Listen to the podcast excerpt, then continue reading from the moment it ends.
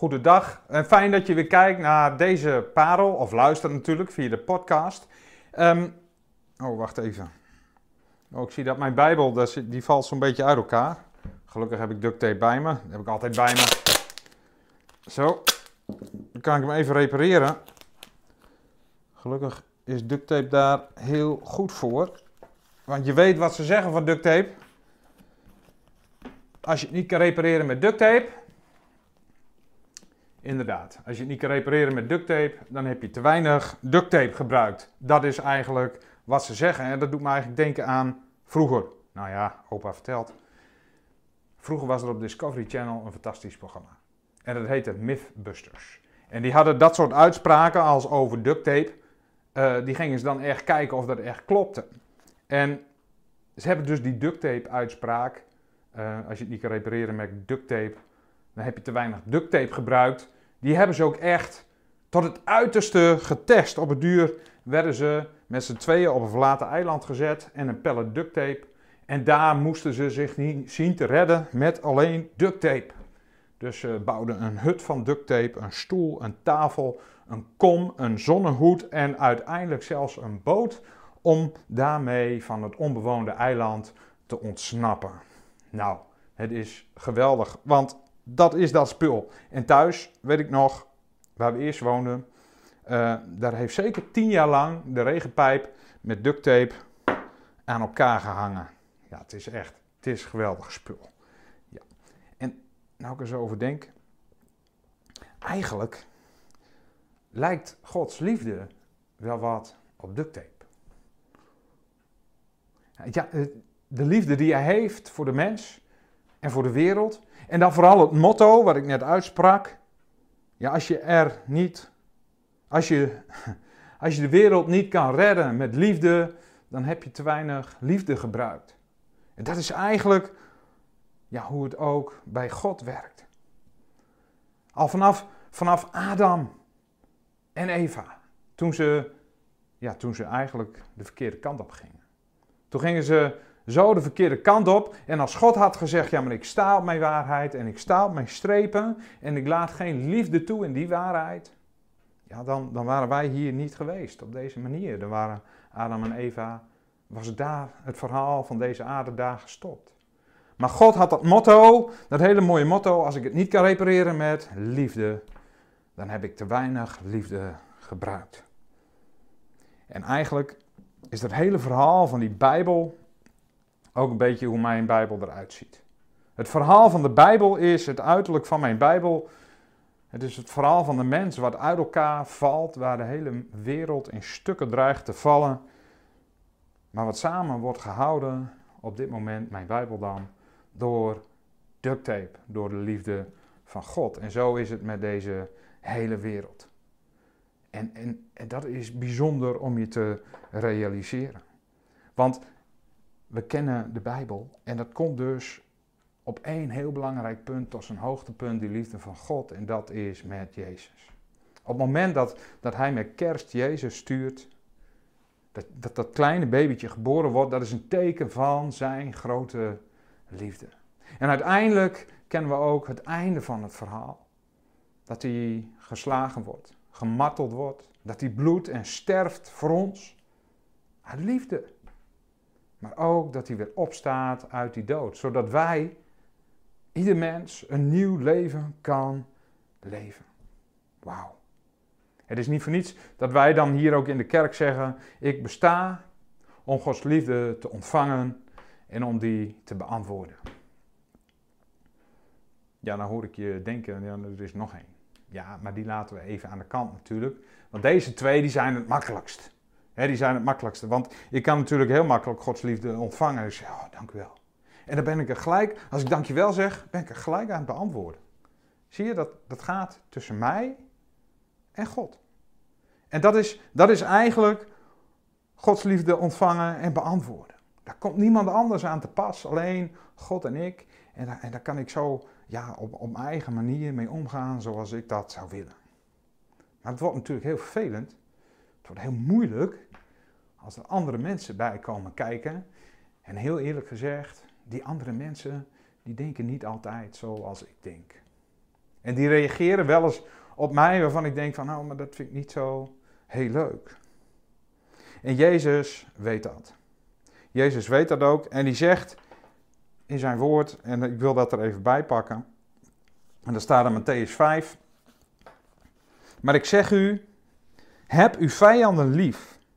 Zegen hen die u vervloeken. Doe goed aan hen die u haten. Bid voor hen die u beledigen en u vervolgen. En dan, en dan gaat dat verder. En dan eindigt dat stukje in. Weest u dan volmaakt, zoals uw Vader die in de hemelen volmaakt is. Heb die duct tape liefde, zoals God die duct tape liefde ook heeft voor jou. Dat is eigenlijk de oproep hier, maar dat is natuurlijk heel erg moeilijk. Dat is heel erg, ja, het is ook heel erg vervelend. Vooral je vijanden. Je zal je vijanden maar lief moeten hebben. Hoe moet ik dat dan, hoe moet ik dat dan doen? Nou, gelukkig heeft God daar een oplossing voor. En die oplossing heet de gemeente. Ja, je gelooft het niet, maar het is echt zo. De oplossing is de gemeente. Want binnen de gemeente kunnen wij oefenen hoe het is om een ander lief te hebben. Zo is het. En ik geloof zelfs dat je kan afmeten aan hoe jouw liefde is, hoe dicht jij bij Jezus staat. Het is een soort lakmoesproef voor jouw geloof. Want Johannes 13 die schrijft dit: Een nieuw gebod geef ik u, namelijk dat u elkaar lief hebt, zoals ik u lief gehad heb. Zo moet u elkaar lief hebben. En dan komt de lakmoesproef. Hierdoor zullen allen inzien dat u mijn discipelen bent, als u liefde onder elkaar hebt. Wauw. Dat is heel groot. Dit is heel bijzonder. Dat een, dat een ander, een buitenstaander, kan zien dat jij Jezus lief hebt om de liefde die jij hebt voor je broers en voor je zussen. En hoe je daarmee omgaat. En dus is de vraag eigenlijk, hoe reageren wij op onze broers en zussen? Want ook die, ook wel, alhoewel het niet onze vijanden zijn, die kunnen wel eens moeilijk, uh, moeilijk reageren. En hoe antwoorden wij daar dan op? Wat zeg jij bijvoorbeeld als een broer naar je toe komt en die zegt: Ja, ik heb eigenlijk 1000 euro nodig. Want ik heb geen fiets en ik moet toch naar het werk en anders verlies ik mijn baan. En, en jij hebt die 1000 euro op je bankrekening. Zeg je dan van nou, hier heb je het, of zeg je van nou, laat maar. Laat maar. En, en ik geloof dat als wij die liefde, die, die overvloedige liefde, die, die duct tape liefde die, die God heeft, ook aan onze broers en zussen laten zien, dan gaan er grote dingen gebeuren in de wereld. Dan gaan er grote dingen gebeuren hier in Groningen. Want dan gaan anderen zien hoe wij, ja, hoe wij de liefde van God beantwoorden. Hoe wij die liefde van God doorgeven. En dat is een hele bijzondere manier. Je kan natuurlijk ook, als iemand bij je komt met een groot probleem, hem keihard de waarheid zeggen. En weet je, en soms is dat ook nodig. Maar alleen een waarheid, de waarheid, die geeft alleen een probleem aan. Als ik zeg 1 plus 1 is 3, dan komt er iemand met de waarheid, nee, 1 plus 1 is 2. En dat geeft aan, ik heb een probleem met optellen. En zo is het eigenlijk met alles. De waarheid legt alleen het probleem bloot, maar de liefde, die geeft er een oplossing voor. Dus waarheid zonder liefde, daar heb je eigenlijk niet zo heel veel aan, behalve als je wil weten wat het probleem is. Want hoe ga je bijvoorbeeld om als, als de raad, als die een, een keuze maakt waar jij niet achter kan staan? Als die, als die zegt, wij gaan linksaf, terwijl jij zegt, ja maar rechtsaf is de juiste, het juiste pad.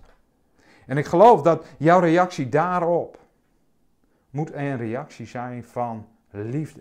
Dat kan niet anders. Want daardoor zullen mensen zien dat jij een discipel bent van Jezus.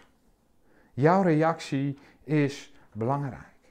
En het mooie is, in die gemeente, in de gemeente mag je oefenen. Het hoeft niet altijd foutloos te gaan. Het mooie is ook van de gemeente als jij een fout maakt. Die ander moet jou ook met liefde bejegenen. Dus als jij een fout maakt, je gaat naar de ander toe en je zegt sorry, moet hij je wel vergeven? Nou, dat is toch fantastisch.